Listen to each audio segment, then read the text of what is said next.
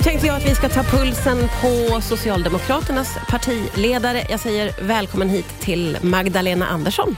Tack så hemskt mycket. Hur har du haft det i helgen? Har du kollat Mello och så vidare?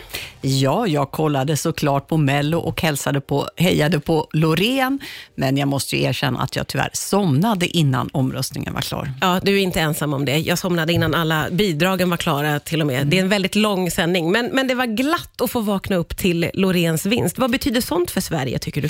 Nej, men det är ju fantastiskt att vi vann igen och det befäster ju att vi är en stark musiknation i Sverige. Och som ju en del säger, det kan ju ha att göra något med att vi har en kommunal musikskola som ju också haft låga avgifter som gör att det är många som får möjlighet att lära sig att spela ett instrument eller öva på sång. Mm. Du, eh, nu har ju du sedan ett tag tillbaka suttit i opposition istället för att vara statsminister. Hur har den här tiden varit, tycker du? Ja, men det är klart, det är en eh, omställning, eh, så det är ett annat jobb som man gör när man är i regeringsställning. Och det är klart, jag börjar ju med politik för att jag vill skapa ett rättvisare Sverige. Det var ju därför jag gick med i SSU när jag gick gymnasiet, för jag tyckte att det var fel med alla orättvisor, att det spelade så stor roll i vilken familj man föddes, för vilka möjligheter man hade mm. framåt i livet. Och det vill jag göra något åt. Och det ville jag när jag var 16, men det vill jag ju nu när jag är 56 också. Så att, eh, och det är klart, det gör man ju inte från opposition, det gör man ju i regeringsställning. Vad kan man göra då när man sitter i opposition? Ja, dels är jag, jag sitter ju i riksdagen, så jag är ju riksdagsledamot och är en del av arbetet i riksdagen och så är jag ju partiledare för faktiskt norra Europas största parti, så att eh, det finns ju att göra.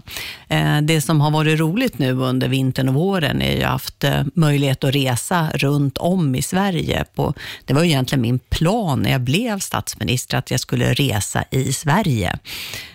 Men sen kom ju kriget i Ukraina och jag hamnade, ja, i, ja, jag hamnade i Vita huset och jag hamnade i Élysée-palatset i Paris och jag hamnade i London och, och eh, Berlin istället för att resa i Sverige. Så eh, det blev andra förutsättningar. Men, Men det... nu är det roligt att ja. få resa runt om i Sverige. Och det tycker jag ändå att man, för jag, har ju, jag nagelfar ju folks eh, Instagram-konton, ditt också, eh, oerhört mycket. Och jag har tänkt på det länge, att det känns som att du älskar att vara ute och praoa. Du testar mm. på jobb i parti och minut. Ja. Vad är anledningen till det? Ja, men det är ett sätt att få också kunna sitta ner lite runt fikabordet och höra vad människor har för funderingar inför framtiden och vad man tänker eh, funkar bra och vad man tänker funkar mindre bra. Så, att, eh, så man lär sig ju någonting varje gång, oavsett om man står i ett bageri i Dorotea, om man står hos handlaren i Saxnäs eller slevar köttbullar på Ikea i Haparanda. Nej, men allt det här har du gjort och du verkar mm. inte vara rädd för att kavla upp ärmarna på något sätt. Nej, och jag menar, jag, jag menar, jag är ju som många andra som har vuxit upp i Sverige. Jag hade ju många olika jobb när jag var ung. Jag har stekt hamburgare, jag har skopat glass, jag har städat, jag har suttit i kassan så att, och jobbat i hemtjänsten. Och apropå sociala medier så eh, upplever jag att du har en väldigt stark närvaro på exempelvis Instagram. Varför är det viktigt? Det var roligt att höra. Eh, ja, men det är ju ett sätt att eh, försöka nå ut såklart med mina värderingar om, om ett rättvisare samhälle och en ökad samhällsgemenskap där vi kan hålla ihop. Eh, och Det är också viktigt att kanske nå ut inte minst till yngre eh, människor som inte alltid följer nyheterna på samma sätt som den lite äldre generationen gör. Mm. Eh, vi ska prata vidare eh, naturligtvis här på Rix FM. Jag är nyfiken på att höra hur du tycker att den nya regeringen har skött sig hittills. Det tar vi strax då. Det är Magdalena Andersson som är min gäst här idag. Ja, idag gästas jag av Socialdemokraternas partiledare Magdalena Andersson, eh, som ju nu då sitter i opposition efter att själv ha varit statsminister. Hur tycker du att eh, de som nu har, sitter vid makten har skött sig hittills? Eh, ja, jag kan ju konstatera att väldigt många människor jag möter, de är väldigt besvikna på att många av de löften som gavs före valet nu inte alls infrias. Vad kan det vara för löften? Ja, att det skulle vara ett elstöd på plats den 1 november eh, förra året, eller att man skulle sänka dieselpriset med 10 kronor. Mm. Eh, så att det finns ju många olika eh, löften som, där det såklart finns en besvikelse. Mm. Sen tycker jag ju själv att, eh, jag menar, vi har ju en ekonomiskt väldigt, väldigt tufft läge just nu och eh, jag hade ju kanske tyckt att man inte minst skulle skydda barnen genom den här ekonomiska krisen. Både att man inte ska skära ner på skolan, jag tycker också att man kunde höja barnbidraget nu när maten har blivit så himla mycket dyrare. Mm. Och hade jag fått bestämma så hade vi gjort det istället som nu när man la väldigt mycket pengar på att sänka skatten för de som har de högsta inkomsterna. Vissa menar ju att du har höjt tonen i debatten. Har du det? Eh, nej. Vad tror du att det kommer Nej. ifrån? Nej, men jag, jag trampade uppenbarligen på en väldigt, väldigt öm tå när jag pekade på allt det som har hänt de senaste månaderna. Eh, med, med ja, man hotar civilsamhället med indraget liksom, stöd om de kritiserar tidavtalet eller när en del journalister har blivit uthängda av högt uppsatta representanter för regeringsunderlaget. Eller att de ska strypa nu oppositionens finansiering. Det är bara några exempel på det. Och jag pek, påpekade på att det här, var ju, det här är inte bra. Mm. För att ha, den här, att ha kritiska röster och opposition, det är ju liksom en del av demokratin. Det ingår liksom. Ja. Mm. Och eh, det måste ha varit en väldigt öm tå som jag trampade på då, för att det har varit ett himla ståhej efter det, har varit, inte minst på sociala medier. Ja, det har varit ett himla ståhej och du har fått epitetet Arja Andersson. Vad tänker du kring det? Nej, men jag, kan ju, jag kan konstatera att jag menar, när, när ordförande i Sveriges justitieutskott eh, liksom varnar för, liksom, eh, hotar enskilda journalister, säger att man ska bränna koraner eller för vidare den här liksom internationella konspirationsteorin om folkutbyte, då är det helt tyst. Men när jag påpekar eh, det som har hänt med olika försök att, att tysta och skrämma mm. kritiska röster, då blir det en himla kakafoni. Eh, så att eh, jag tycker att det är en märkligt sätt att agera från de mer traditionella högerpartierna. Men, men det här att säga Arja Andersson, men så här, kvinnor som är bestämda och tydliga, de brukar väldigt ofta, brukar ju, inte minst män då, ofta försöka porträttera eh, kvinnor med, med tydliga uppfattningar som just arga. Mm. Men samtidigt, menar, det finns ju mycket att vara eh, förbannad över mm, mm. just nu. Inte minst då att man så tydligt prioriterar att skydda just höginkomsttagarna genom den ekonomiska krisen, samtidigt som vanligt folk har enormt svårt att klara räkningarna och maten. Vad tänker du om den där tystnaden som du refererade till från de mer traditionella partierna, som du sa? Eh, jag tycker det är svagt. Eh, jag tycker att man behöver markera. När man, de är ju ett samarbete eh, och när det är så tydligt att höga företrädare, som ju då de traditionella hög, högerpartierna dessutom har gett höga poster, uttrycker sig väldigt, väldigt olämpligt, tycker jag att man, jag tycker man borde markera. Du har varit på en inspirationsresa till USA. Den vill vi naturligtvis höra allt om här på Rix FM. Jag gästas av Magdalena Andersson, Socialdemokraternas partiledare.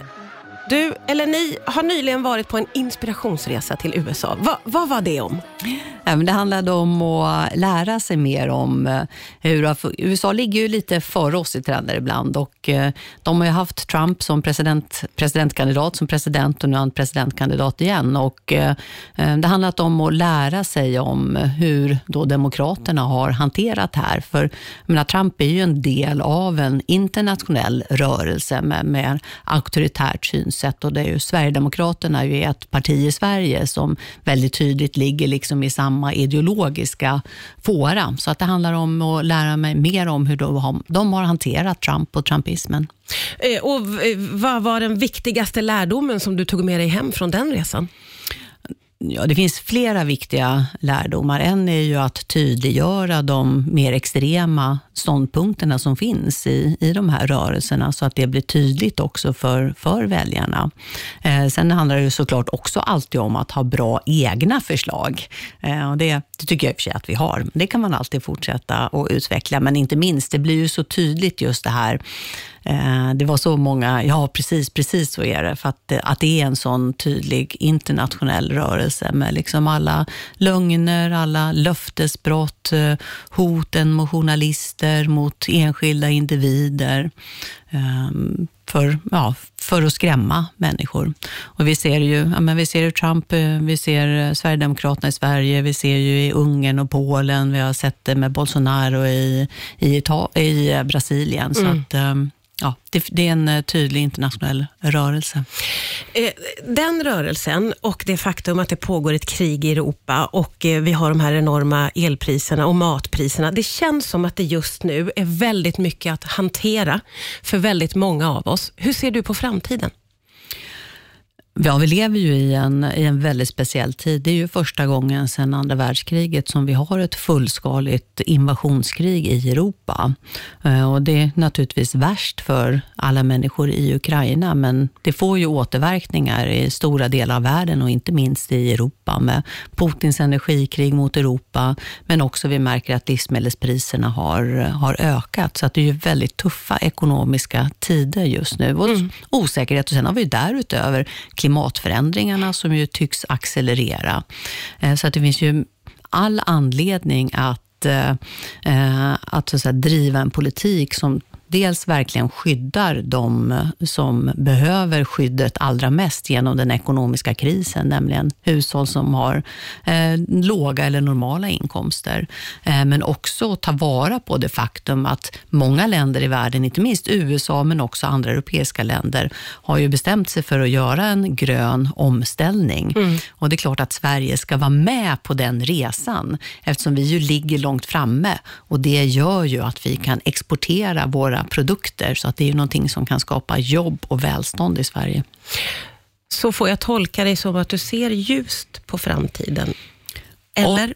Ja, alltså, ja självklart. Ja, men vi har fantastiska styrkor i Sverige. Inte minst det faktum att vi ligger väldigt, vi är ju världsledande i grön teknik. Och eh, inte minst USA, de eh, trycker på gaspedalen nu i sin omställning. Vi har ju också kommit överens i Europa om att genom, med EU-regler att vi ska genomföra en omställning. Så att där finns ju fantastisk möjlighet och det sker ju väldigt stora investeringar i Sverige just nu. Men det är klart, ska vi ta oss an framtiden tillsammans, då bygger det också på att vi har en samhällsgemenskap.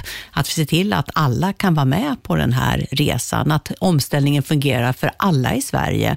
Inte bara de som bor vid tunnelbana eller där det finns pendeltåg och buss, utan alla människor som behöver bilen för att ta sig till affären eller köra mm. ungarna till träning. Hur mycket ser du fram emot nästa val? Jättemycket såklart.